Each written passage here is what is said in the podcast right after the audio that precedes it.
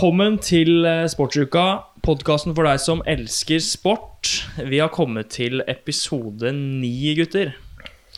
Ja, Det ruller og går. Tida flyr. Ja, Vi kjører rett på, vi. Starter med forrige uke. Eh, vi hadde jo landslags... eh, eller landskamper forrige uke. Vi kan begynne med Spania-Tyskland, som var Hva skal man si? Overraskende resultat. Ja, Ja, jeg, for at det ble så overlegent. Det var eh, Jeg så for, for øvrig matchen i opptak eh, dagen etter. eh. Selvfølgelig. um, må det når uh, Tyskland får kjepp av spanjolene. Det blei faktisk spilt ball i hatt uh, der, både i ja, igjen Uh, i press og i uh, possession-spill og gjennombruddshissighet, uh, og ikke minst eh, skudd på mål. Han fikk kjørt seg, han, Neuer, var forbanna.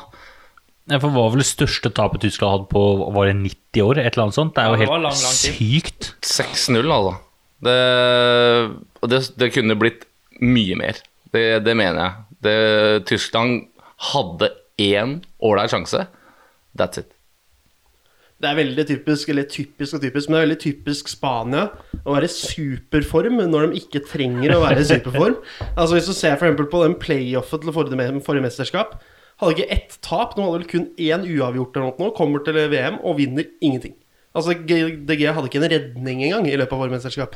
Det er ofte sånn med de, eller de, da. Altså i hvert fall England òg, i kvaliker. De, de cruiser cruiser bare gjennom. De taper Ja. jo ikke, de vinner hver match. Og så kommer de til eh, mesterskap, og så faller de under for presset. da. Ja, for Jeg mener jo ennå at Tyskland er den store favoritten til en sommerens mesterskap. Ja ja, så Spania kommer til å kapitulere. Det, det må du ikke lure på. Det tror jeg ikke. Altså. Det jeg så der, var uh, fremtiden. Men at de kommer til å møte opp med det spillet der hver gang, det, det gjør de ikke. For vi, vi snakka eh, litt, litt ja. om det i slutten av forrige pod, at vi Eller i hvert fall jeg spådde en ganske jevn kamp, fordi det er to, to gode lag som kanskje nøytraliserer hverandre. da Og så blir det jo da 6-0. Ferran Torre. Torres skårte vel tre. Ja, hat trick på Han han, han, altså, han, hadde, han, hadde, han burde skåret fem, han. Ja. I de sjansene han hadde. Det var jo helt vanvittig. Der ser man litt av det talentet han har som han kanskje ikke har fått helt utløp for i Premier League ennå, da. Men hva som faktisk kan komme. Vi har sett litt i La Liga tidligere, og det er, det er signering av Ja da. Det irriterer jo Nei, vettet av meg hvis han, skal, være- hvis han skal gjøre sånn i Premier League. Jeg har nevnt han for mange når jeg s- snakker med de Premier League-kompisene mine, som er liksom resten av kompisene, selvfølgelig. det er jo Resten så av er det jo verden. så, ja, du må Ferrans Torre, så må du bare se på han bare sånn Hvem, fa- hvem er det? Og nå er han Nå vet alle hvem han er. Hvor gammel sånn. er han, da? 19, er det ikke det? Mm. 19, ja. Ja, helt rått talent. Altså, det er litt synd. Jeg skulle ønske liksom Spania og kanskje spesielt Valencia kunne holdt på de type talentene. da Jo, men, det er, nei, men akkurat det syns jeg er bra. Hvis han har blitt igjen i det Valencia-laget som er nå, Ja, ja. da hadde jo han bare røket. Så at han kom seg videre Det er synd at han går til Premier League, det er jeg enig med. Ja. Men han må ikke for guds skyld holde seg i det drittlaget der lenger. Altså. Det, Nei, det er jeg for så vidt enig i. Han fortjener uh, litt større muligheter. ja. Men det var et overraskende resultat, i hvert fall. At det Ja, ja, sånn. helt klart. Altså, det er jo de, de to beste lagene de siste 10 åra, 10-15 åra. Spania tok jo EM eh, og VM på rad. Det samme gjorde vel Tyskland, eh, tror jeg. Um, Ja. Og nå Nei. møtes i hvert fall de to eh, til en sånn match i en gjeldende slags finale. Um, og da er det veldig overraskende når Spania vinner 6-0. Ja, men det er litt sånn spesielt når man så på Jeg så en sånn meme, riktignok, da, dette her nå for et par dager siden. Uh, når vi vant uh, EM i 2012, er det det det var? Når sier vi, så mener jeg Spania. Um, så i hvert fall, da var det kun én spiller i startoppstillingen i finalen som ikke var Real Madrid eller Barcelona-spiller. Mens nå så var det kun to Er det en spillere. quiz? Nei, det er, dette er ikke en quiz. quiz, dette da? er en Hvem, var den ene spilleren? Kunne vært. Ja. Men eh, mens nå så var det kun én Barcelona og én Real Madrid-spiller. Så det har snudd helt opp Og nå var det, da var midtbanen styrt av Barcelona. Nå var uh, igjen midtbanen oh, styrt på pent vis av Fabian Ruiz og, og Rodri. Ja. Det, de, det var elegant. Det er litt fint òg, kanskje. Jeg vet ikke helt hva jeg syns om det. Men det, Ja, det, altså, du, Som Barcelona-fan skjønner jeg at det er kjedelig, men det er jo det er sikkert sunt for landslaget. Uh, og så spiller Nå ser du, nå så jeg altså mer av den der Luis Henrique-fotballen du så i Barcelona. Veldig direkte. I hvert fall liksom eh, fra midtbanen og ut. Og det er sånn, ikke så mye possession-spill, selv om de har mest ballbesittelse. Og ja, som sagt, de kunne skåret ti mål. Ja, det var helt vilt. Eh, Kjipt for tyskerne. Ja, ja. Deilig å se den Neuer forbanna. Altså. Men det kan jo være, det kan jo være sunt for tyskerne å få seg en liten sånn at ja, dere er ikke dere er ikke deppest, så dere må, dere må møte opp til match. Så er det litt ålreit òg, da. Nå har jo Bayern, som dominerer det tyske landslaget, hvis man kan si det sånn De har knust Barcelona, de har knust Sevilla, de har knust Atletico i løpet av siste kalenderåret. Endelig så får på en måte Kall det den spanske ligaen og spanske nasjonen litt payback mot tyskerne. Det var deilig. Få det på. Vi skal over, for det var jo eh, en eh, Det var jo et nødlandslag som var i aksjon forrige uke. Når vi, tok, eller når vi dro til Østerrike med Hva var det Rekdal kalte det? C-laget. Nei, det var Svea, holdt jeg på. Svea var det. det. Svea var det som uh, mente vi sendte C-laget. Men det var jo en kjempekul match. Kult, da. Ja, altså, de kulere landskampene jeg har sett på lang tid. Jeg skal være den første å si at eh, jeg oss tar, tilbake, tar tilbake alle ord om at det her skulle bli overkjøring, og satt der som en eh, stolt nordmann. Altså, det er snakk om uh, offervilje. Ja, det er jo bra.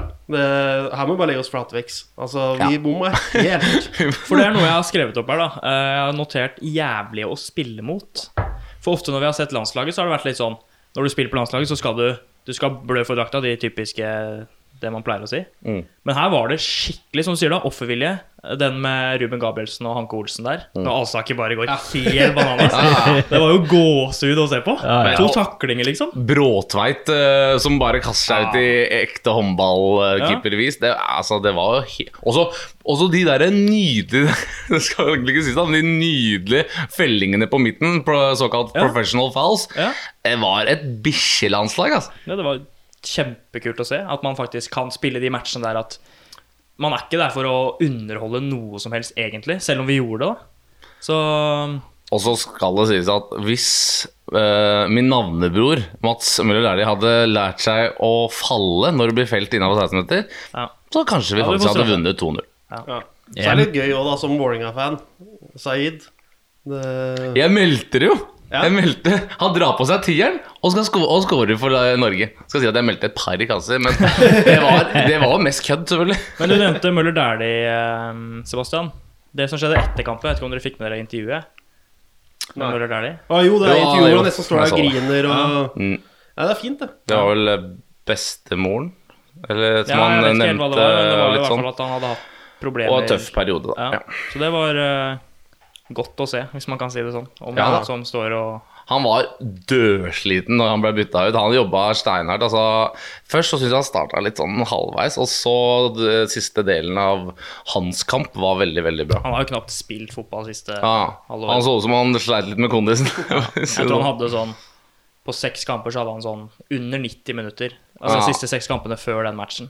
Han ble jo Så- henta, og så har han bytta han tre trenere, eller Ja. hva det er for noe etter det. Så det er litt synd på han. Altså. Hvor er han spiller nå?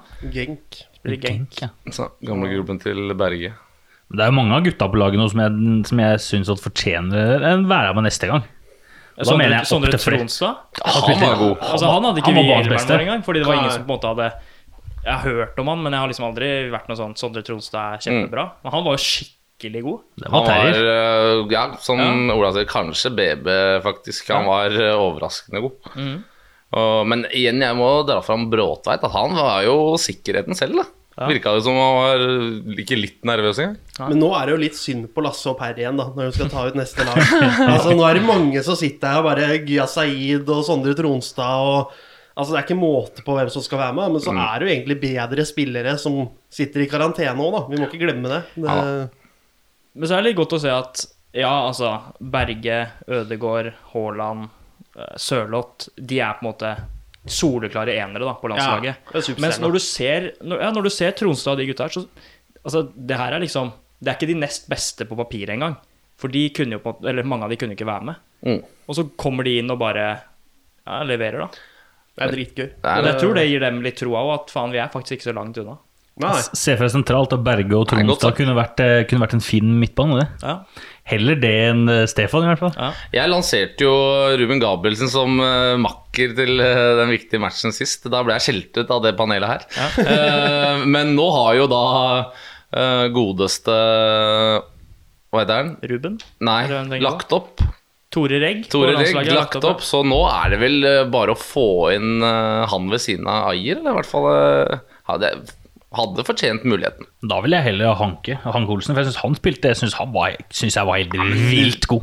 Ruben Gabrielsen er en maskin, da. Jo, Men jeg syns han, jeg, jeg synes Hanke Olsen var den beste av dem, syns jeg. Jeg synes han, bare, jeg synes han, Han var god, han altså. Det er ikke det. Eh, og så snakka vi om en kamp som kom på fredagen. Monaco-PSG. Der kom det en liten blemme. Kamp hvor PSG leder 2-0 til pause og har to annullerte mål i første Ja, ja. gang. Kunne leda 4-0.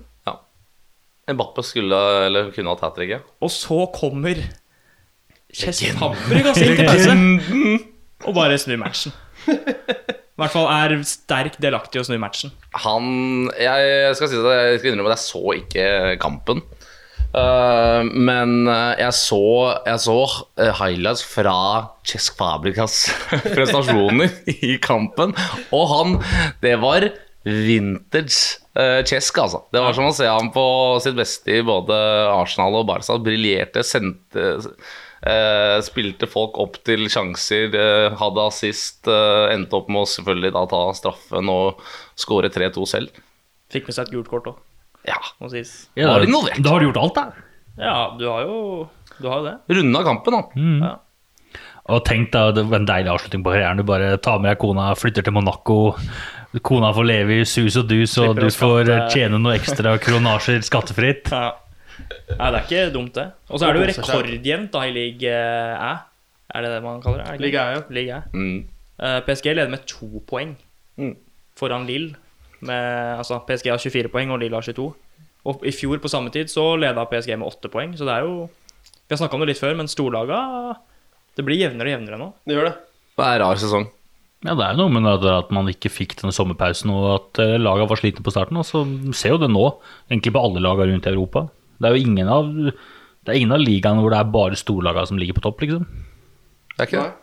Så det er gøy for fotballen, da. Ja, det er veldig gøy. Det gir muligheten til mange unge spillere som spiller på litt mindre lag, å kunne vise seg fram. Og da forhåpentligvis spille seg til de større klubbene. For dette er jo ett rart år, men til neste år så vil det jo mest sannsynlig være tilbake til normalen. Og da er det fint for dem å ha kunnet fått vise seg fram litt, da. Og ikke minst tenker jeg for supporterne som ikke er fan på stadion, men nå får de faktisk kjenne følelsen av hvor bra det går, og at det faktisk er håp da sjøl i møkkaåret 2020. Ja, det er noe man kan diskutere, holdt jeg på å si. Er det sånn at eh, på en måte, de store lagene nå er dem som får straffe mest av at det ikke er publikum? For at dem er vant til at det alltid er trøkk på stadion sin, fullsatt. Har det på en måte brølet bak seg, da? Nå er det jo tomt. Mens de mindre lagene ikke er vant til det. Og spiller på en måte Nå er det ikke sånn at de mindre lagene i Premier League og La Liga som spiller på tomme stadion, det er ikke det jeg sier. Men det er i hvert fall mindre trøkk rundt det, da. Kan det være en faktor? Ja, altså de det- har, jo, de har jo sett statistikk på det. At eh, um, ja, hjemme uten hjemmefans så, så er det basically 50-50, og da er det eh, da er det jo muligheter for hvem som helst, istedenfor at eh, du har eh, Men det gjelder jo, det gjelder jo de små lagene på hjemmebane òg, da. Ja. At du ikke får den hjelpa du trenger. Det betyr også at det blir kanskje lettere i noen kamper for storlagene. i opp. Så, ja, ja. så til sammen så veit jeg ikke. Ja, men jeg, tror, altså, jeg tror kanskje det er verre for smålagene, faktisk. For at den lille supporthjelpen du får da, når det, når det butter litt imot, det hjelper jo sånn oppi hodet. For at de vet jo uansett, de storlagene kommer jo til størst sannsynlig ha ball mest og briljere. Og da tror jeg det er godt for smålagene de gangene de faktisk har supporterne med seg. Og de blir. Så jeg tror, det, som siste, jeg tror det er ganske oppgjort, hvis ikke det er faktisk enda verre for smålagene. Nå er ikke noe Monaco noe smålag. Da. Det var der samtalen starta, skjønner du. Ja, ja, ja. Men, eh, Men i forhold til PSG Liten Ja da. Jo så da. er Er det, altså, det er to store klubber. Men vi skal over til et eh, annet eh, lag som per nå er Englands beste fotballag. Det er Tottenham. Hva tenker eh, Mats om det? Som lanserte her at uh, Getafe var bedre enn Tottenham. jeg igjen, da, som eh, begynner å bli vant til det, er å legge meg flat for ting. Eh, det, sånn er det bare. Men eh, nei, altså de spiller helt uh, rå fotball nå, så Getafe gjør det motsatte, så har vi sagt det. Um, imponerer ikke. Men uh, det er gøy å se Mourinho litt eh, fram i skoa igjen. Altså det, det, det skal jeg innrømme. Og den oppvisninga mot City sist eh, Jeg var ikke overrasket. Jeg eh, satt på Tottenham-seier. jeg. Det gikk jo selvfølgelig rett inn. Men hvis ikke vi får noe takkekort av Mourinho snart, for han jinxa dem så jævlig oppover den tabellen der, da Nei, det er for dårlig. Men, Det er eh, god jul, det, fra undertegnede og Sebastian. Ja, men da må du vel kanskje også sende en unnskyld ned til Getafe for å jinxa dem motsatt Men de kan ikke norsk, så det går bra. Nei, de kan ikke norsk. Nei, Det- Mourinho kan norsk. Ja, ja. Jeg kan alle språk. Må ikke glemme. Cossé, han er jo en uh, multikunstner. Ja, han har jo tross alt uh, spurt om han kan være trener for Fredrikstad. De som har sett lange, flate baller. Klassefilm. Men eh, jo, Mourinho. Jeg fant et sitat som han hadde sagt etter kampen mot City. Hvor reporteren hadde liksom snakka om hvor mye ball City hadde. De hadde vel 80 og at de hadde hatt ballen i på en måte 90 minutter av kampen. Da hadde Mourinho sagt at eh, City kan ta ballen hjem. Vi tar med tre poeng hjem. Så Mourinho er litt tilbake der vi Ja, det Liker var han fin litt, den da. kommentaren der. Ja. Um, Så prime Mourinho er kanskje på vei litt tilbake. Det er spennende å se hvor lenge det varer. Da. Det pleier som regel å funke i to, bra i to sesonger, og så pleier det å gå nedover. Ja, altså Han begynner jo å pike. Sånn Hvis du ser på statistikken hans, så er han nå han skal være på topp. Og om et halvt år, års tid, da er han tilbake i joggedressen og sitter og sutrer om eh, kampprogram og dårlige spillere og skader og Så det er bare å glede seg. Det er jo det, er jo det som er gøy. Det, er, altså det vi ser nå, er uh, the, why, the wise Mourinho. Ja. Han er blitt eldre, han har blitt uh, fått ro i sjelen, og han er sulten på fotball. Det er jo Det er andre sesongen, vidt altså, sesongen her da, som han skal eh, vinne seriegull. som han- eller- Det gjør han ikke. Det tror ikke jeg heller, men uh, det hadde vært sjukt gøy da, om heller Tottenham enn City. Men kan, kan du skrive ned en spådom? Jeg kan skrive ned en spådom, ja. Om et år så sitter vi her og diskuterer hvorfor Mourinho er så sur igjen. Det Hvorfor er lavanser, da.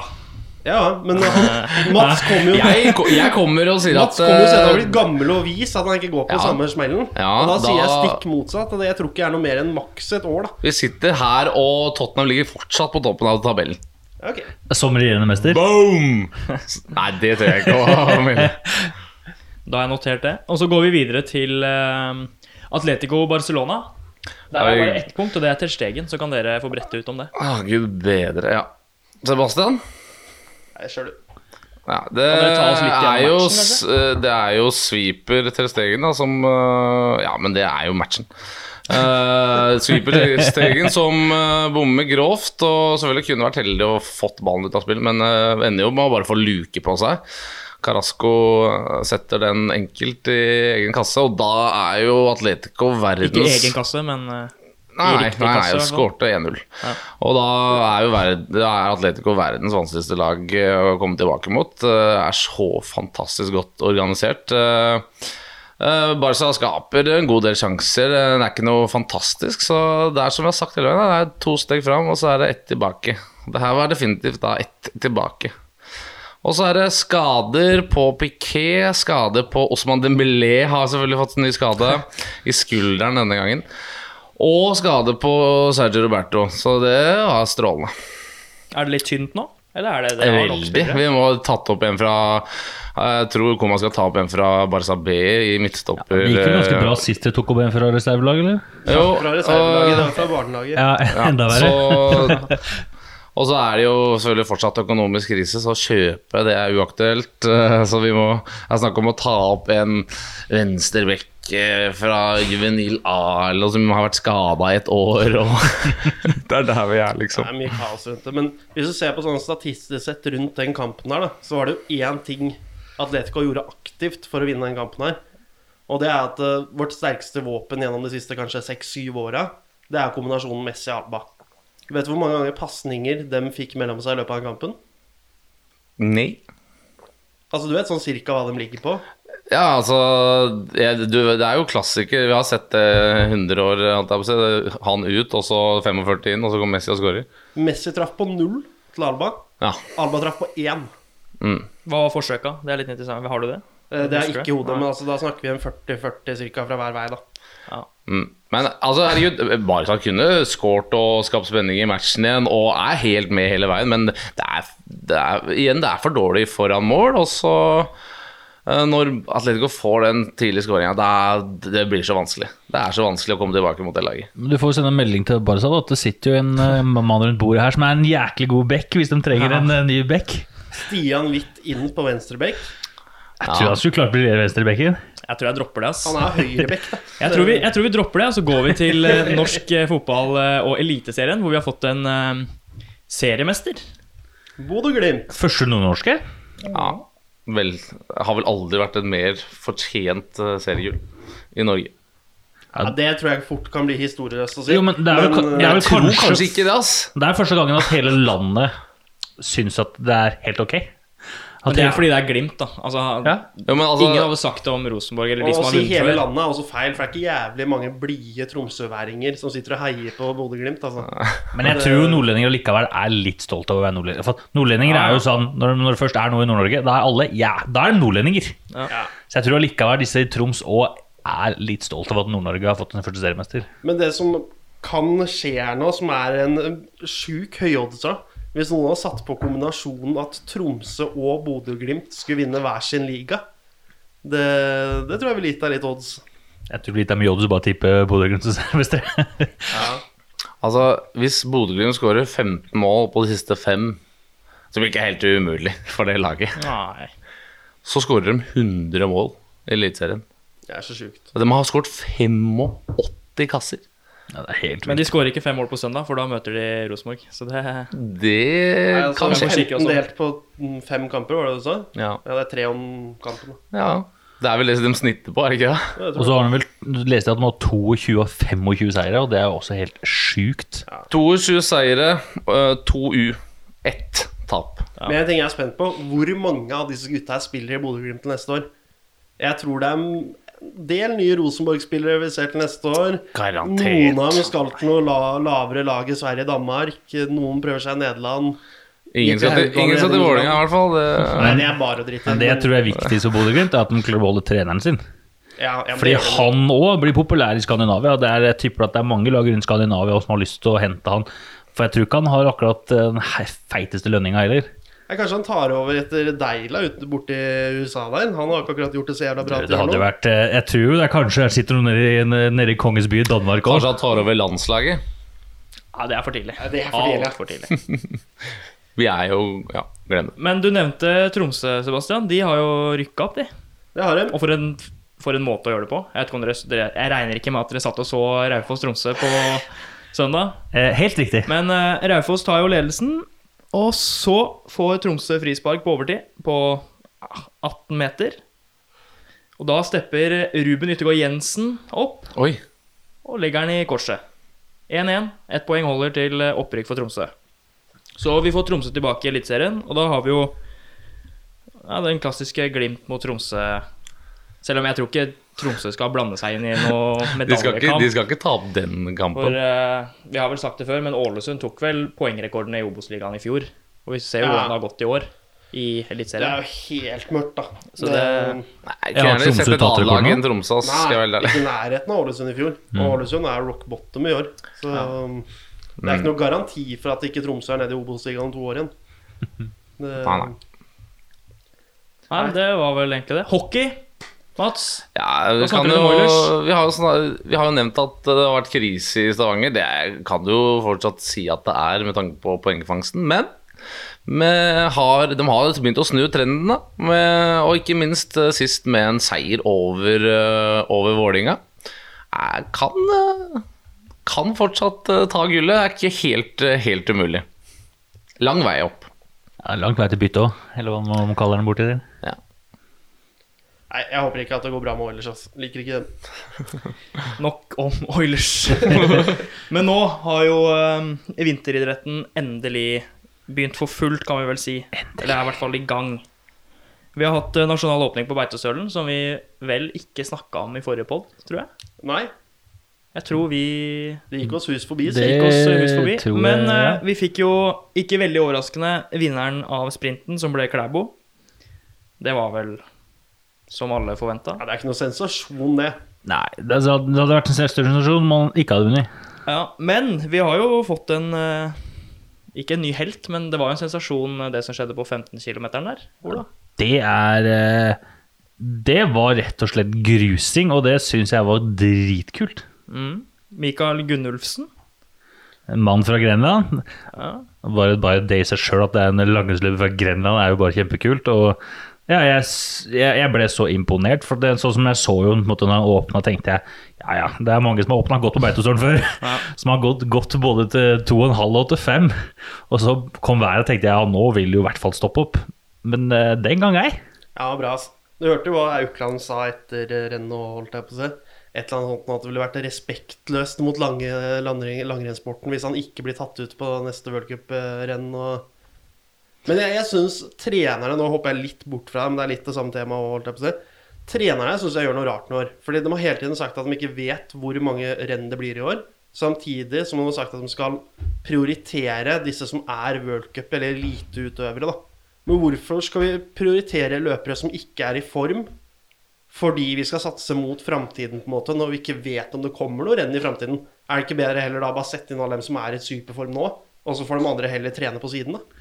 Men det var som, jeg vet ikke om du, vet ikke om du fikk med deg intervjuet av uh, Harald Østberg Amundsen. Han sa jo det er jo en grunn til at landslagsløperne er på landslaget, for det er de som leverte best sist.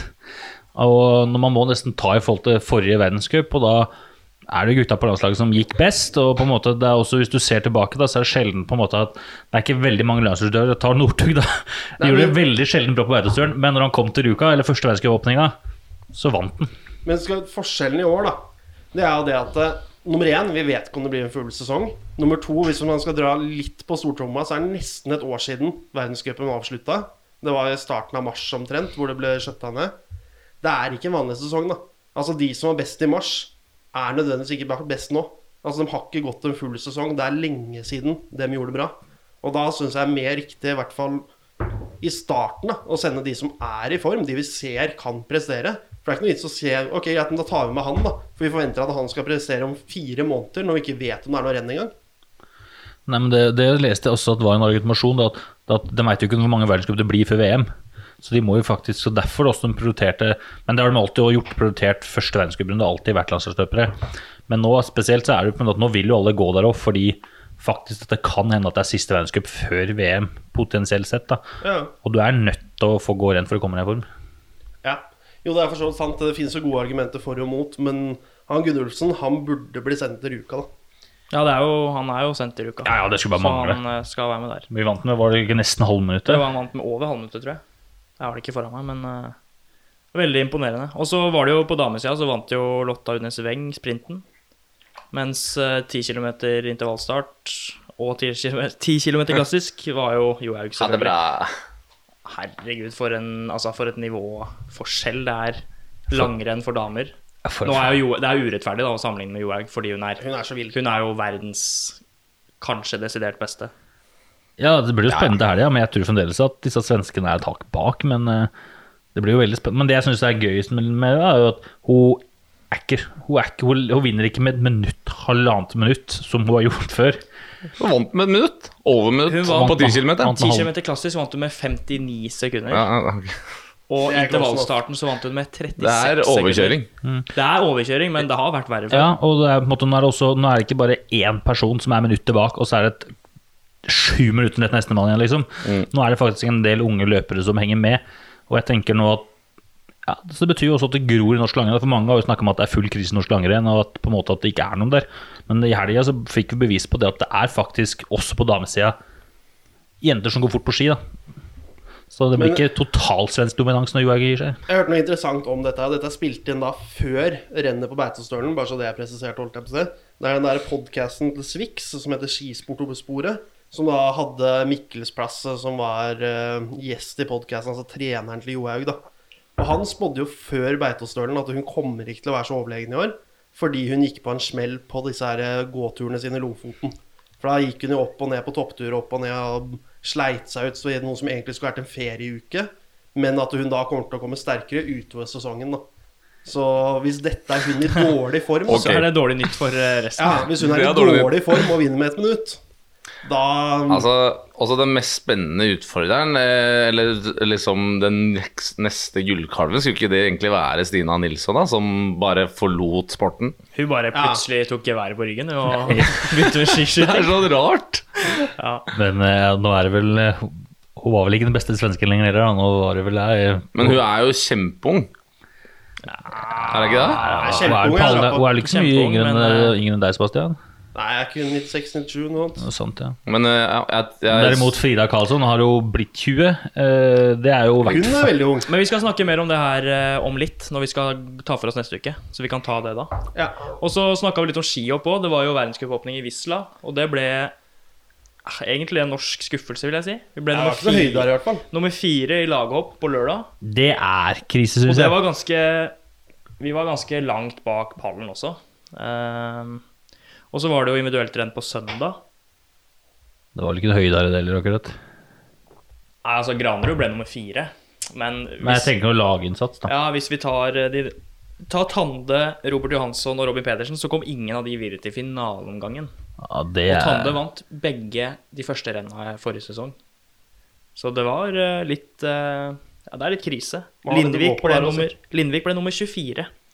Ja. Så og, Ja, for jeg tenker sånn Hopperne kunne heller liksom ikke klage på sånn som andre har gjort, at de, for eksempel, at de ikke har fått trent nok. For de har hatt midtstund for seg sjøl. Så på en måte de kan ikke klage på at de ikke har fått nok hopptrening og sånn. Ja, så er liksom ikke langrenn et sånn sport hvor det er problem med énmetersregelen. Det står ikke en på ryggen din når du hopper nedover bakken. Jon. Det, dem har kunnet trent sitt opplegg. Ja. Så Men så leste jeg en artikkel eh, i går, var det vel, i Dagbladet, og de fant ut at fordi fart er jo ganske viktig i skihopp, altså hvor høy fart du har i overrennet, mm. og da var det store forskjeller. Altså de norske var desid hadde desidert lavest fart, og det har jo med smøring av ski og hvordan de har preppa skia.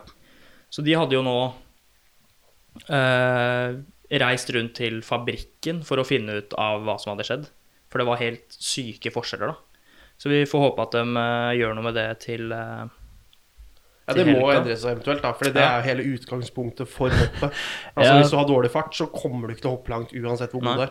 Men jeg tenker jo altså det der med å smøre ski som skal gli rett fram, det burde ikke være Altså det burde ikke være hokus pokus. Hvis hele Tror vi. laget Ja, men altså Hvis alle andre da mener, Som regel så ser du alltid at det pleier ikke å skille mye på farta. På, da mener jeg på alle løperne som stiller til start. Og jeg tenker at Det burde ikke være rakettforskning. Det er ingen, det er ingen som har funnet opp kruttet på nytt. Nei, Det med å smøre hoppski har aldri vært noe sånn tryllekunstner. Det er ikke sånn som med langrenn. Det blir litt det samme som alpin. da Man ser hvor varmt er det, og så kjører man den smøringen som passer etter den, den temperaturen. Det er ikke som med langrenn hvor du skal være redd for at det skal kladde, og du skal feste, og du skal ha gli og bla, bla. Dette er 100% gli. Så dette er ikke noe tryllekunstner. da Og så er det jo Spesielt i hopp så er det jo et jag da etter de ørsmå detaljene som bare stoff i hoppdressen som Norge var desidert først ute med for noen år siden.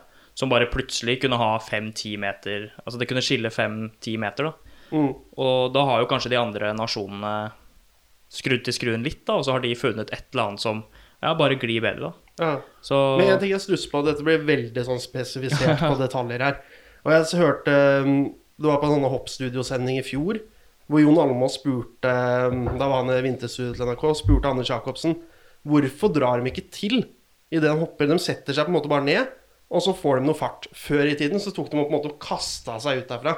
Og da mente jo Anders Jacobsen at det ikke hjelper. Men så ser du den derre um, studiet som alpinlandslaget har gjort, som er det at hvis du tar et ekstra stavtak eller et skøytetak, så er det ikke bare i det du tar det stavtaket at farten genererer, men den genererer gjennom hele løypa helt til du bremser opp. Altså den kan generere opp mot over 2,5 minutt. Altså farten vil bare øke og øke og øke. og øke. Det kan ikke være annerledes i, i hopp. Det vil jo være jo samme type fysikk. Nei, Ja, tenker, det er det de ikke har gjort. De har ikke forska på på hopp. Men jeg tenker Siden ingen gjør det, da, så tenker jeg, har jeg alltid tenkt at det har noe med sittestring å gjøre. Jo, altså det at, de, at, de, at de trenger tid til å på en måte komme seg ordentlig ned i sittestilling før de hopper. da. Jeg har jo tenkt at det er sånn på en måte at de trenger den tida på å komme seg ordentlig i stillinga. Vi kan jo prøve å finne ut av det her til neste pod, så kan vi faktisk høre med noen som skal Ja. ha peiling på det. Så kan vi følge opp det da. Det kan vi gjøre. Ja. Men eh, det tar oss over til alpint, for det var jo alpint eh, forrige uke òg. Det var det. Vil du starte, Ola? Her melder jeg og Mats, Mats oss ut som. Ja, det kan jeg godt. Det var jo eh, åpning for alpindamene i slalåm, vil du merke, for sølven var jo for en måned siden. Og eh, i Finland, Nord-Finland, i Levi Jeg syns det var fin gjennomføring rennet. jeg. Både norske innsatsen syns jeg faktisk var ganske bra. Vi hadde vel Var det seks jenter i eller var, var det var fem eller fem jenter, tror jeg, som kom til annen gang på, eh, Lørdag på fire dagen etter. var det Hvem Motsatt. tok med seg et reinsdyr hjem?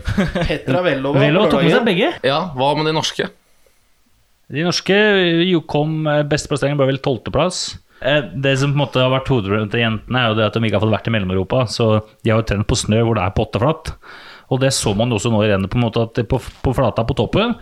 Så i hvert fall på lørdagen så var vel alle norske jentene topp ti tror jeg, på toppen. Og, men problemet var jo hengkjøringa. At de har jo ikke vært noe plass hvor det har vært bratt nok. Pga. at de ikke har fått dra til Mellom-Europa og til Syd-Amerika. Så totalt sett så tenker jeg sånn Det var som forventa. Du kan på en måte ikke forvente at du skal kjøre grisebra i bratta når du ikke har vært i bratta siden mars måned. Nei. Så jeg syns totalt sett at det var veldig bra. Og Skifferen kom tilbake etter 300 dager.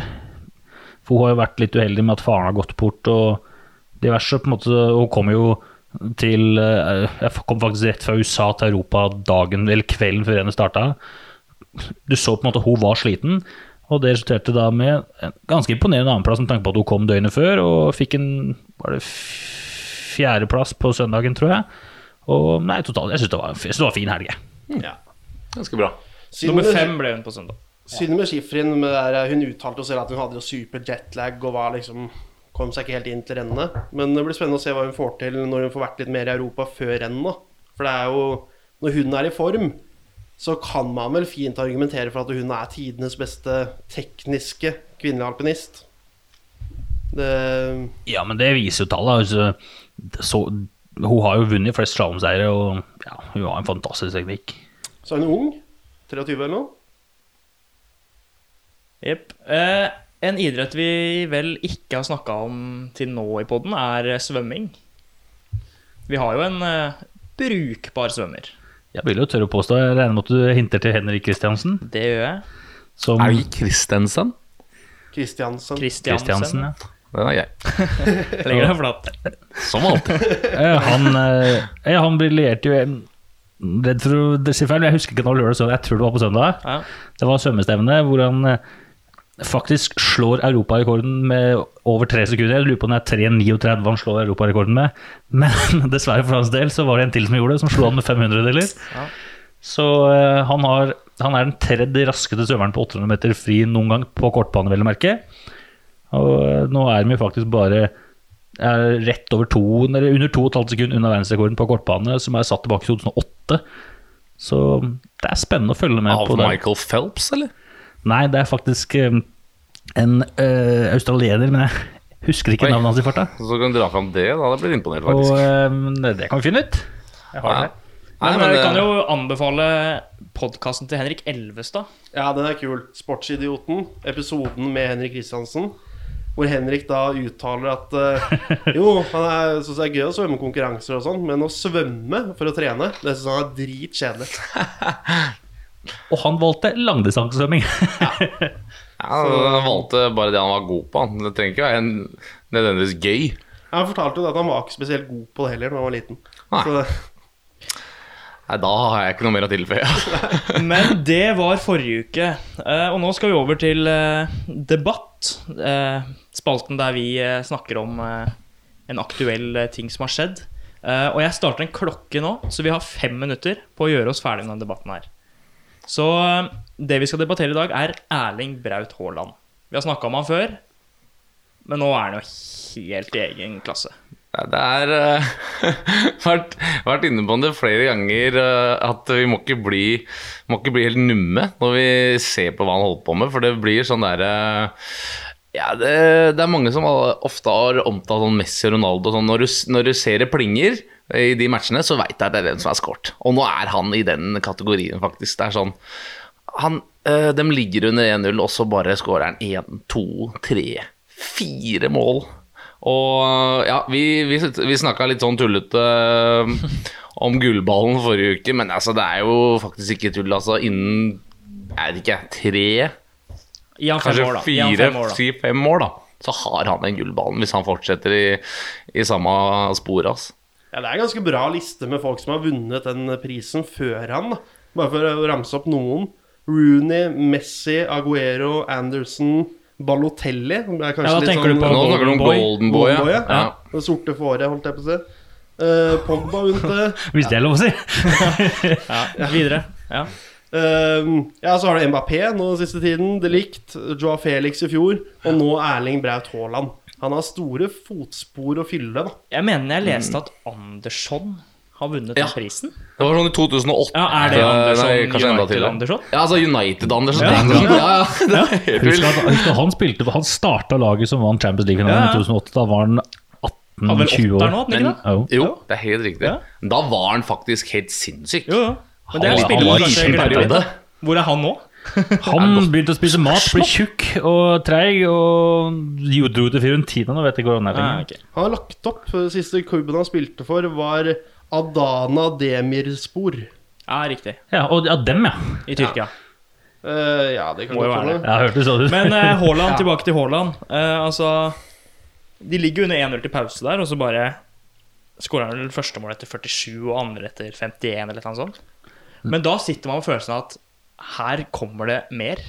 Altså Du tenker ikke sånn Ja, nå har han to kasser. Nå blir han bytta ut snart, og han bare, han bare kjører på. han. Borte mot Herta på Altså, Olympiastadion. jeg bare, altså, du ser liksom Og det har jeg egentlig sett flere ganger, og sagt flere ganger, både her og flere andre steder, at han bare bestemmer seg for å dra i gang hele laget. da Bare sånn Nå, gutta, nå må vi begynne å og Nå må vi våkne. Og så ser du bare han krumme ryggen og legger seg på de perfekte løpa som alltid er en millimeter onside.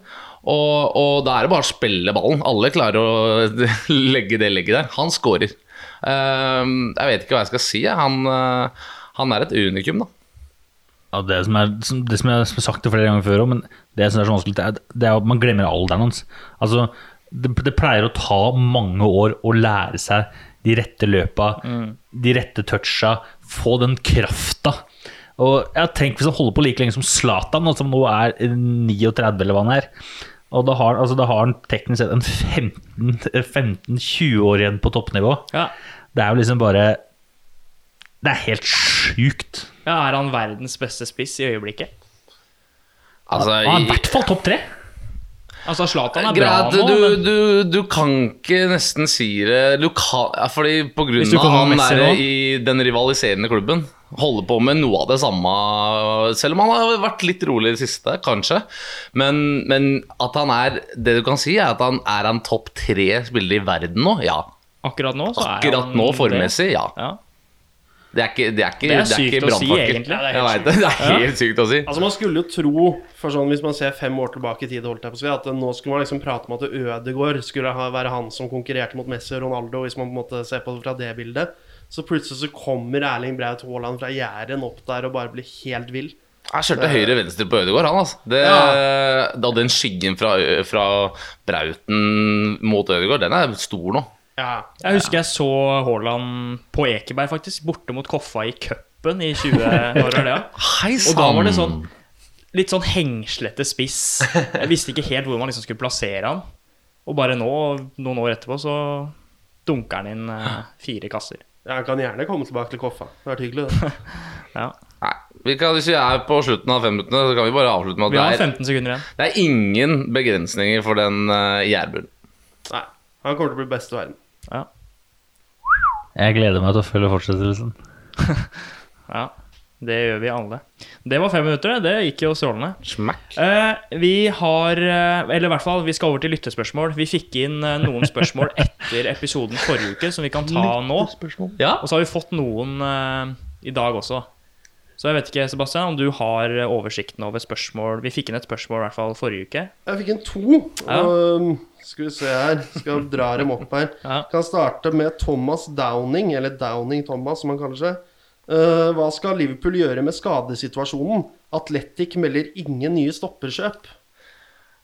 Kan melde om det Det er et bekjentskap fra, fra vekselsen som melder det spørsmålet her, men, ja. men eh, en ihuga Liverpool-supporter der, eh, det kan jo Stian Witt eh, svare på. Det er litt godt at vi tar opp det nå etter at Liverpool har banka Leicester 3-0. For jeg var jo usikker før den kampen, liksom. Så mange skader. Og bare Jeg regner ikke med at dere så matchen. Men Riktig. bare full kontroll på Leicester. Riktignok Leicester med noen skader, de òg. Men ja, det var liksom Fabinho som stopper, funker som bare faen. Uh, nei, så det, hva man skal gjøre det, Jeg vil jo egentlig tro at det kommer inn en stopper, selv om Athletic melder at de ikke gjør det. så kan mye endre seg fram til januar. Så um, svaret er vel egentlig at uh, jeg tror det kommer en stopper, og at ah, det løser seg. Jeg skjønner at jeg har misforstått det spørsmålet. Jeg tror han mente Club Atletic. Altså Atletic. Nei, Atletic er et Så jeg hadde drevet og lest meg opp Atletic er det er det sportsmagasin? Vi, Athletic, det, Nei, det er et sportsbilag i England. Altså, jeg, jeg leser meg opp på, om Atletic Bilbao skal kjøpe seg stopper. det fant jeg ingenting om. Nei. Men den er grei. Ja. Eh, Så har vi et spørsmål fra et navn jeg er litt usikker på hvordan man uttaler. Jave Havnes. Det er, eh, det er Jave som er av rappernavnet hans. Okay, så okay. heter han Morten Havnes. Hva er det han lurer på? Ja, eh, spør Veksel om han kan gi oss noen gode tips til å bli god målskårer på Fifa. Nei, det, er, det er bare ett et godt tips der. Det er vel eh, R1 og runding. Det er hun oppe i hjørnet. Alltid ledig krise. Ja, Så har vi faktisk fått inn noen spørsmål imens vi har spilt inn her nå. Oi. Så har jeg kommet inn noe mer. Eh, første er fra Sjarmagrammet. Det er vår herlige kar som vi spiller inn hos. Yep. Han spør hva er kvadratroten av Molde? Og der må vi vel egentlig ikke bare kunne svare Hødd, eller? Ja. Ja, det er fint, spørs fint svar, det. Fint spørsmål og fint svar. Ja, han Ikke lang utenom noe sjuke. Det, videre. Videre. Det er Hødd. Ja, Og så er det en som heter Torkel Skogstad. Han kommer vel egentlig bare med en mening. At uh, Reece James er bedre enn Arnold. Tammy er bedre enn Bobby. Og Kurt er bedre enn uh, Van, Design, Nei, Van Dijk. Dette er da en uh, annen kompis. Han er også Chelsea-supporter. Um, Fryktelig mye ja, det var ikke et spørsmål, Torkel, du så det, jeg velger å ikke svare på det, for det er ikke noe å svare på. Nei, Han bare sender mye rart her. Og så er det et nytt spørsmål fra Torkil. Nå har han klart å stille spørsmål, da. Ja. Eh, Guardiola har gått ut på dato? Spørsmålstegn. Kopien av Teta får det heller ikke til. Det er vel egentlig nesten ikke spørsmål heller. Det er bare Han konstaterer mye det, det. kan jo, det er en fin uh, ting å diskutere, da, for um, ja, Guardiola er ute på dato. Det, vi har vel snakka om det før òg, at man blir jo på en måte lei i gåseøynene av manageren sin. I Ja. hvert fall når man er så krevende, da. Mm. Men uh, Og nå har han skrevet under på en ny toårsavtale, som jeg syns var veldig overraskende. Jeg si at uh, En jeg prata med i helga når vi uh, satt og så på City-matchen, han meldte at uh, det her er en klassisk ting um, folk bare gjør for å, for å få bort støyen. Ja. Uh, han er United-supporter, Ola. Og Så han er meldte for- han er det-? Han meldte at, ja, han meldte at uh, Scum-supporter, er ikke det jeg sier? Han meldte at det samme gjorde faktisk det med Ferguson før han eh, ga seg. eh, bare for å få lokk på all maset. Eh, og han meldte at ja, det er fortsatt god sjanse for at han eh, stikker til sommeren. Men det er som du nevner her, Stian. Altså Det er ekstremt krevende person. Sånn som Savi har uttalt tidligere at eh, han er veldig glad i Guardiola, og alt det, men én sesong til med Guardiola hadde han ikke tålt. Fordi Guardiola er typen som ringer deg klokka fire på natta bare for å sjekke om du er på utested eller om du ligger og sover. Og det kan være midt i en uke uten at det er noen kamp dagen etterpå. Han bare skal ha kontroll på spilleren sin til enhver tid. da Og det Er du litt sånn spesiell, da, hvis man kan si det sånn, som liker å ha litt frihet og alt sånn, så tror jeg ganske mange hadde tålt det ganske dårlig, da. Et lag som kunne trengt den strukturen og det, den galskapen han tilfører, det er vel det Barcelona-laget. Men hva, det var noe med. Arteta der òg. At han ikke lyktes, var det sånn? Ja. Det er jo interessant, da, for eh, Arteta er litt den at han vil på en måte bygge opp Arsenal litt på nytt. Eh, og da hjelper det ikke å ha en spiller som PP, som uh, Jeg tror han så situasjonen. Og så intervjuet med Arteta etterpå. Ja. Det var jo fullstendig slakt fra Arteta. At uh, Det var uakseptabelt, og han hadde snakka med en og Så det er jo litt de derre Hva gjorde han? Råtnegga i kurva. Nei, han skalla ned, blir feil å si, da. Ah, ja. Men liksom Den, ja. Ah, ja den klassiske panne mot eh, panne, og så detter motspilleren. Nei, men det, altså, det var jo ikke lenge siden uh, jeg snakka om at Arsenal var i vinden, for da spilte de faktisk god fotball. Så, uh, ja, så nå er det liksom uh, to steg, tre steg, fire steg tilbake. Men Arsenal er jo bare en dårlig kopi av Barcelona på mange måter. Alltid vært det. Altså Nå er Barcelona, nå er, ja. nå er Barcelona berg-og-dal-bane, og da skal selvfølgelig Arsenal være en berg-og-dal-bane, dem òg. det er enda svakere versjon, Ja. selvfølgelig. Mer kan vi ikke forvente. Det, så hvis Barcelona begynner å bli gode, så kommer nok Arsenal litt sånn etter igjen. Det er sånn lim over, over øh, geografiske linjer. Ja. Imponerende. Så nei, det blir jo spennende å følge Arsenal videre. Men uh, det er ikke tvil om at det er uh, Det er varierende. Som Veldig. eh, alt annet, egentlig. Eh, vi begynner faktisk å gå litt tom for tid, vi. Men vi må jo se på neste uke òg, eller uka vi er inne i. For eh, så litt over Champions League-oppsettet denne uka her, og fant egentlig ikke så veldig mye interessante matcher. Altså, alle kamper er interessante på sin måte, selvfølgelig. Ja.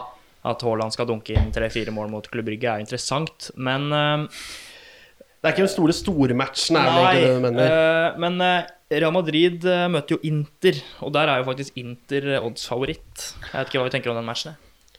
Nei, det kan gå begge veier. Altså, Real Madrid er litt på samme toget som Barcelona og Arsenal, som vi har snakket om. I ene kampen så er de fantastiske, andre kampen så er de helt elendige. Men det som på en måte er det største spørsmålet med Real Madrid, da, det er hvor dårlig det er innad i klubben. For hvis du så det der Kameraene klarte å fange opp en samtale mellom Varan og Det var Varan og mm, Benzema. Hvor de prater da om Venezia Junior foran Venezia Junior. Ja. Hvor de da sier Vi må ikke sentre til Venicius, han spiller mot oss. Ja, det, var, Det- var helt sjukt å se. Ja, det er hva er det de driver med? Også, ja, ja. Men eh, jeg vil også melde at uh, i matchen mot Villarreal i helga, uh, så Ødegaard fra start. Uh, gjør alt selvfølgelig trygt og tidy, og, men godt. Og de kontrollerer på en måte banespillet og leder 1-0. Når han går av, mister de fullstendig banespillet. Det er verdt å legge merke til. Ja, altså Ødegaard har sin livs sjanse til å kunne slå igjen med Real Madrid nå, med Valverde ute. Så han må gripe den. Ja. Og hvis han ikke gjør det, så tror jeg Men, eh, nesten det er litt toget Gjorde en god match der, altså. Absolutt. Jeg tror han starter eh, mot Inter. i den matchen mot Inter også. Ja, eh, Den går jo da i morgen, kvart på ni. Eh, Vi, kan, eh, vi hopper over PSG Leipzig, for vi har ikke tid. Men vi kan gå til Europaligaen på torsdag. For da kommer Arsenal på besøk til Aker Stadion og Molde. Og det er jo en stor kamp for nordmenn, i hvert fall. Ja da, det, Blir, det, blir igjen, det blir gøy å se. Det, jeg gir dem igjen null sjanser. Ja, og Men- akkurat her er jeg litt uenig med deg. Fordi Arsenal er nesten så å si videre nå. Altså, De har nesten sikra Ah. seg videre. Så jeg tror vi kommer til å Men se nesten. Ja, som har ni av ni poeng. Ja. Og Vanligvis så trenger du ti poeng for å komme deg videre. Så litt avhengig av lagoppstilling. Ja, det kan være et veldig BCD-preget omtrent Arsenal som kommer til Aker stadion. For det er så mye sånn koronagreier, og hvorfor skal de risikere å sende Mayang og PP og alle gutta til Norge alle steder, som er blodrødt? PP kommer vel, fordi han får ikke spille i England på en stund. Ja, han, men Aubameyang kommer nok ikke, tror jeg. da. Ok, kanskje PP da pga. det røde kortet. men, Han blir eh, sett, du er all første på ja, tavla. straffen din er faen meg Han dra er i på mål allerede, faktisk. Men Koronakarantene. eh, jeg tror du er inne på noe der, Sebastian, at uh, Arsenal kommer ikke med hele stjernegalleriet. Men de kommer med et lag som er sterkere enn Molde. Så det Ja. blir vel en klink B der. Ja, den vinner nok. Men så er det kunstgress, da. Det, er- altså, Ja, det er som fotballspiller selv, så er det Nå er det ikke veldig ofte at vi spiller på gress. Det er vel kun vi som har gress, nesten. Altså Follo. Mm. Men jeg jeg tror ikke du skal undervurdere helt det heller, for Arsenal spiller ikke ofte på kunstgress. Det gjør de vel aldri. Nei, så alt, alt, alt hjelper litt, Ja. men jeg tror fortsatt Molde taper. Ja, det tror jeg òg. Det er ikke det jeg prøvde å si. Men jeg sier at sjansene er bedre nå enn hva de var på Emirates. Ja, men de er fortsatt dårlige. Det er det. Ja. Og så på søndag så tar eh, Chelsea mot Tottenham klokka halv seks. Også en stor match hvor match jeg, eh, match jeg gleder meg til. bortelaget er favoritt. Ja, ja, ja. Ja, Det vil jeg Ja, ja, men 100 favoritt. Det er ikke noe å lure på. Men eh. Chelsea-laget er eh, voldsomt bra til tider, det òg. Men det er jo også i veldig bølgete. Det Tottenham er jo mer eh, stabilt, da. Mm. Uh, I hvert fall bakover. Uh, men hvis de får fjerna Tammy Abraham som fra toppen og satt Timo Werner inn der, og så fått på hvis Pulisic er klar igjen på, på vingen, så er jo det Chelsea-laget dobbelt så bra. Jeg tror det kan bli ganske jevn og kul kamp. jeg. Tror ikke Det blir ikke noe overkjøring, nei. Nei, Det at dere sier at Tottenham er favoritt, det er ja, kanskje formmessig, men hvis du ser på odds på alle steder, så er det Chelsea som er favoritt der. Så vi skal ikke undervurdere det blå laget heller. Det, Nei, nei. det kan bli veldig tett og jevnt. Men jeg tror selv at Tottenham vinner. Eh, ja jeg, jeg, gleder meg til, jeg gleder meg til matchen. Noe annet vi gleder oss til, er verdenscupåpning i Ruka. Ja. Minitur i Ruka. Det er Det blir gøy, det. langrenn. Jeg gleder meg til å se hvordan eh, form han eh, gærne russeren er. Altså Bolsjunov. Ja. Om eh, han om, ja, Jeg tviler på at koronaen har holdt han tilbake. Nei, du må huske at Snarere tvert imot. Russland har vel snart vaksinert 30 eller noe. De har holdt på med dette ganske lenge nå, så mm, de har nok åpna det meste borti Russland for ganske lenge siden. Altså. Så bor han i Sibir, da, så på en måte der er det jo ikke folk heller. Så han har jo fått ha Putin Han har jo fått selvfølgelig masse bjørner Han har selvfølgelig he- for hemmeligvis fått tak i noen vaksiner. Ja, Ja, ja. Men kan ta det. Det er klassisk sprint på fredag. Og så er det 10 km for damene klassisk lørdag, 15 for eh, menn. Og så er det 10 og 15 km fri på søndag. jaktstart. Ja. Hvor førstemann i mål vinner. Mhm. Ehm, jeg vet ikke hva mer vi skal si. Vi kan jo Vi nevnte jo Bolsjunov er jo en av favorittene. Niskan er kanskje en annen. Ja. Eller ikke kanskje en annen. Han er en annen. Så er det vi jo mye Klæbo, da. norske løpere, da. Klæbo er jo han, Hvis ikke Bolsjunov er favoritten, så er det Klæbo. Det er en av de to tre, som tror jeg vinner. Man er Altså- veldig avhengig av hvordan det går med dagene før. da Altså Hvis det går bra på dagene før, så at han har noen han kan henge på fram til spurten, så er jo Klæbo storfavoritt. Bommer han på en av de dagene før og må begynne å ta igjen folk som Niskan og Bolsjunov, så er sjansene hans relativt små igjen. Ja, men nå tenker jeg sånn som jeg så at han gikk på lørdagen. Jeg syns han gikk såpass både fint teknisk og han gikk fort. da At jeg tror Jeg gleder meg skikkelig til å se åssen nivået hans er i forhold til de, de andre, de beste, andre i verden. da. Ja. 15 km, der skal han jo være, være med helt inn, tenker jeg. Men jeg er, jeg er mer interessert i hvordan han har utvikla seg på de lengre løpa. Ja. Så blir det gøy å se på damenes damene sin side med svenskene som kommer inn. da Det er vel dem som er de største konkurrentene til Johaug. Linn Svan sa jo det at hun mente jo at ingen i verden hadde sjans mot Ebba og, eh, og Frida, sånn som dem gikk i helga. Og, eh, så jeg gleder meg ordentlig til den duellen og ser faktisk ja, hvor, hvor skapet står, da. Det som er gøy da, igjen litt tilbake til det vi prata om i sted Hvis Johaug nå vinner, og igjen hun er i dårlig form, da kan dette bli enda en overlegen sesong for Johaug, da. Men jeg må jo si, jeg, jeg, det er vondt å si det, men jeg syns det er gøy at svenskene begynner å få opp noen løpere igjen. Fordi jeg elsker den duellen i landslaget. Ikke, ikke for mange gode, så de tar over De kan godt eh, ha en par-tre stykker så lenge de bare Så lenge vi er én nordmann som er to. er- Ja, de kan godt være to-tre. Ja, det er akkurat det. Og det er må bare ha litt konkurranse i det. Det er ikke noe gøy med ja, bare Johaug Konkurranse er sunt. man savner jo liksom Northug mot svenskene. Man gjør jo Ja. det. Ja, ja. Eh, Northug mot Jønsson, det var jo fantastisk når de gikk og tok hverandre liksom i pressen. Og, ja, det er deilig. Alsgaard mot Jørgen Brink. ja. Og så endelig så er Vinterstudio tilbake, da. Ja, Med er Gulkil som programleder, blant annet. å stå opp tidlig på morgenen der på lørdag og søndag og bare skru på NRK og sitte der gjennom stort sett hele dagen. Det Med en er rålig kaffekopp. Ja, liten ting som slår det, kaffekopp der. Uh, vi skal videre. Skiskyting begynner også. Det er i Kontiolahti. Ja, der gleder jeg meg, for der vi har jo ikke sett skiskytterne på TV fordi nasjonal åpning ble avlyst. Og vi har jo bare hørt resultater fra, fra altså Fra nordmenn, i hvert fall. Ja, hvordan rennet har vært internt på laget, men vi Ja. aner jo ikke der hvordan det står til med resten av verden. det er jo 100% bingo. Altså, vi vet jo, som du sier, at uh, det var Tarjei Bø som gikk best på den siste greia. Men igjen, da, hvis Tarjei Bø ligger som nummer 17 i verden, så ser det jo plutselig fryktelig dårlig ut, da. Så mm, det blir jo en test, da. Igjen litt sånn som vi snakket om i sted. Sjekke hvor ligger man an. Mm. Altså, det blir, eh, ja, det blir gøy, det jo. Og der starter vi på lørdag med 15 og 20 km. Stemmer. Så er det sprint på søndagen. Så det blir jo uh, veldig interessant. Um, kan også ta med at det er verdenscup i Ruka i skihopp. Ja. Hvor nordmennene skal revansjere seg. Trenger ikke å gå så veldig mye inn på det, for vi som sagt begynner å gå tom for tid. Uh, er det noe alpint til uh, helga, eller? Det er det. Parallell storslalåm i Lech. Eller Lech. jeg vet ikke hvordan man sier det. Østerrike. Østerrike. Østerrike? Ok. Etter Lech Poznan, ja. En Altså- veldig, veldig dyr skidestinasjon. Ja. Det, det, det kan bli spennende. Jeg er litt usikker på om Vinningstad er tilbake igjen. Det er vel egentlig det store spørsmålet. Fordi Vinningstad har vist seg å være veldig god i disse parallelle storslalåmrennene. Vant jo etter i fjor. Det var den eneste seieren han har i karrieren sin for øvrig. Og, men etter det så har han jo hatt store ryggproblemer. Han kommer også ut med at han vurderte å legge opp i sommer, for han hadde så vondt i ryggen. Og nå har han jo heldigvis bestemt seg for å fortsette. Ja. Men så får vi jo se om han får starte nå, da. For han er jo I hvert fall utad i pressen så er dette veldig, veldig usikkert hvordan han, den ryggen hans er, da.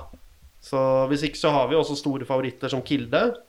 Jansrud, som vi prata litt om i sted, hvis han starter. Mhm. Så mm, det kan Er han med, eller?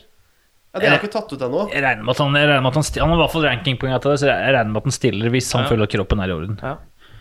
Så mm, Nei, jeg tror det kan bli veldig veldig gøy. Og så er jo disse parallellslalåm- og storslalåmrennene kanskje det morsomste å se på for dem som ikke kan så mye om alpin. da Altså Det blir så veldig synlig hvorfor en kjører fortere enn en som kjører saktere. Man får på en måte sett det veldig sånn Ja, det blir veldig visuelt, da hvis man kan si det sånn. Mens i et utforrenn så er det kanskje halvminuttet mellom hver passering. Og da blir det sånn Å, har det egentlig gått bra, eller har det gått dårlig? Det mm, er litt bingo for hvis du ikke skjønner alt det som skjer, da. Er det en ny seier til uh, supertalentet? Bråten? Bråten Nei, kan- er for liten og lett her. Men, Brå, men Bråten Eller- er jo Jeg- jeg klin gæren, altså. Han kan fort gjøre ja, det. jeg tør ikke å si nei, men uh, da overrasker han mer enn det han overraska sist. Jeg setter Kilde som en større favoritt, for å si det sånn. Dere kan jo spå vinneren, da, dere to som har peiling. Jeg tror Kilde tar det hvis han er litt heldig med trekninga og ikke kjører ut, da. Ja. Ja, jeg tror vi kan shake hands på den, holdt jeg på å si. Ja. Um, Så Kilde vinner uh, i lekk, altså. ja. Bare sette hus og bil. Da skal vi over på eh, vår faste spalte. 21 spørsmål. Og i dag er det vel eh, deg, Ola Uthus, Yes, som skal riktig. eh, gi oss en nøtt. Ja, dere slet sist, da. I dag eh, må vi opp i de berømte ringa. Ja. Ja, så det er vel egentlig bare å begynne å gjette, gutter. Nå skal jeg holde tellinga. For eventuelt nye lyttere da, så er det her spalten hvor en av oss har funnet en utøver som vi skal gjette oss fram til ved å svare spørsmål som Ola svarer ja eller nei på. Ja. Kjør du, Mats. Er det sommeridrett? Nei. Er det en mann? Ja. Vi begynner å bli Nei, men man må jo prøve å finne de gode spørsmålene, sånn at vi sitter her Ja. og altså, nå vet jeg det er mann, og det er vinteridrett. Ja. Har han øh, skøyter på beina? Ja. Nå er vi på. Riktig. Nå er vi på ballen. Ja, det kan bli rekord. Er han norsk? Nei. Um, har han skøyter på beina? Ok, bruker han eh, kølle? Nei, eller jeg regner med at han bruker kølla si ellers, men han bruker ikke kølle aktivt, nei. Nå snakker vi ikke om på privaten, Ola. Eh. Det var ikke det, altså? er han aktiv? Nei. Er han Riktig. nederlender? Nei. Jeg tror jeg kanskje Um, Alle vet hvem det er, eller? Eller er det litt sånn Hæ? Nei. Hæ? nei, Nei, altså, om- hvis jeg vi spør- vet- Ja, sånn, ja. ja, om vi kjenner til navnet, jo. Burde ha hørt om han, ja. Ok. Ok, så han driver med skøyter. Ok, er han fra Europa? Nei. Han er Åh. ikke aktiv. Jeg, jeg tror jeg vet hvem det er. Jeg, tror også, jeg har også et navn som popper opp, men uh, Jeg husker ikke hva han heter. jeg har lyst til å prøve meg på en er han, uh, Var han overlegent best på 500? Nei. Nei, faen. Da er det ikke Shani Davis. Uh, Spør du, Mats. kanskje er det. Um, er han Ja, du vet hvem det er, sier du? Eh, da bare sier jeg Er han fra Amerika? Ja. Åh. Det hjalp ikke? Nei, fordi jeg tenkte at det var han der australieren på kortbaneløp som hvor alle Ja, tryna foran gang på gang på gang. på gang Det hadde vært helt rått hvis du tok han. Altså, det svaret hjalp meg ingenting. Er det Shani Davis? Helt riktig. Det er det, ja. Han var best på 1000 og 1500. ja ok. Ah, ja. Det hadde vært mye morsommere hvis du tok han der Hva heter han australieren? Nei, det, altså, men det, på en måte, den hadde ikke vært så tatt for det er ingen som kan navnet hans. Så hadde du sittet her litt sånn som var med Jæger forrige gang. Men det var eh, At du- Johnny Davis. Ja, på 11. 11. Det var bra, 11. Ja, jeg syns det var sterkt, det. Ja, imponerende hvitt. Imponerende hvitt. Jeg lurte meg å gå for en enda eldre amerikaner som uh, tok OL-gull på uh, Lillehammer. Så tenkte jeg det er sikkert ingen som kan navnet hans. Altså, hadde er ikke, hadde ikke hvitt vært, så hadde jeg ikke kommet fram til det. Fordi jeg, jeg kjenner ikke til den mannen er der. fornøyd med det. Eh, Vi skal over Chapeau, til chapeau. vår siste spalte, nemlig Tippelappen. Segmentet hvor vi setter spill for uka. En lagidrett og en individuell utøver. Bare kort vi, hvordan det gikk forrige uke. Jeg hadde Im skulle vinne en PGA-turnering. Han mista cutten, så ikke noe poeng der. Mm. Og så hadde jeg vel også Spania og Tyskland U. Det gikk jo heller ikke. Definitivt ikke. Nei. Eh, jeg røyk på Tyskland. De uh, tapte tapte dessverre. Ja. Men så gikk det veldig bra i alpint, for jeg tippa jo at Mina Fürst Holtmann skulle eh, vinne på uh, søndagen Ja. til 151 i odds, og hun ble nummer 12, så jeg banka inn 12,58 poeng. Jesus. Eh, Jeg hadde betta med hjertet. Barca borte mot Atleti, det gikk dårlig. Betta med hjertet igjen. Djupik-skåring mot Vålinga, det gikk ikke null poeng. Deilig. Eh, Jeg tippa Tottenham og City. Det gikk inn 4,25. Og så tippa jeg Petra Vellova på lørdagen 2,25. Ja. Sterkt. Der igjen, da, så er det gutta Ola og Sebastian som leverer. Neste uka, var du der, Hvitt? Der har jeg eh, eh, Carl Geiger-seier i Ruka. Det er da skihopp.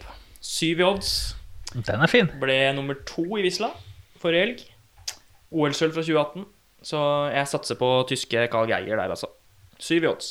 Ja, du kjører ikke noe Jeg har et uh, safe spill også. Jeg har Rangers-seier mot Benfica på torsdag. Oi, oi, oi, oi, oi. Og den er eh, safe? Et et Rangers-lag med tolv strake seire på hjemmebane. Ja, ja, men de er, Skåret 37 mål, sluppet inn ett. de er veldig gode. Leder serien med 11 poeng foran Celtic. Riktignok med to kamper mer spilt. Det er kult. Og har eh, Englands beste midtbanespill gjennom tidene som trener. Steven Gerrard. Steven Gerrard? Og Hva er odds, da? Den er 2,15. Så da kommer jeg til å innkassere 9,15 poeng. Outhouse. Nei, jeg, eh, jeg går litt for hjertet, og jeg satser på at, at Leipzig tar PSG til 84. Og så gjør jeg som jeg gjorde i, når det var alpint i Sølden. Jeg går for Odemat den gangen her òg. Ja. Jeg har ikke fått odds på den ennå. Hva tro Altså, er han Jeg tipper oddsene kan være på mellom 12 og 15, kanskje.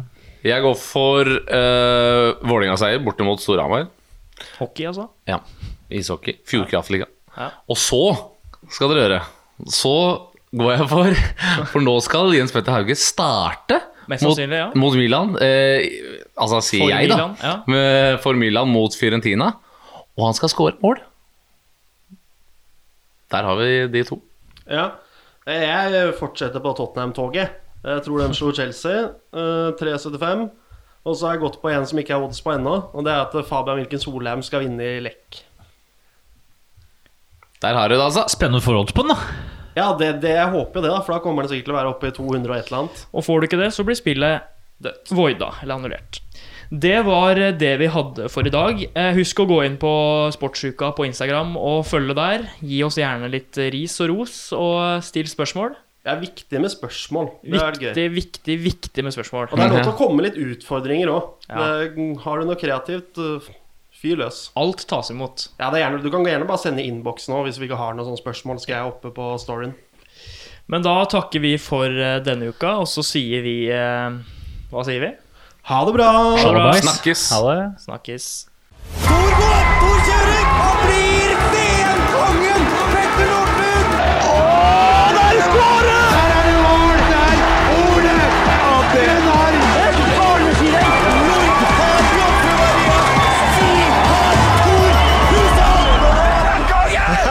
Hvem er kongen? Oi, oi, oi! Bartsjuka!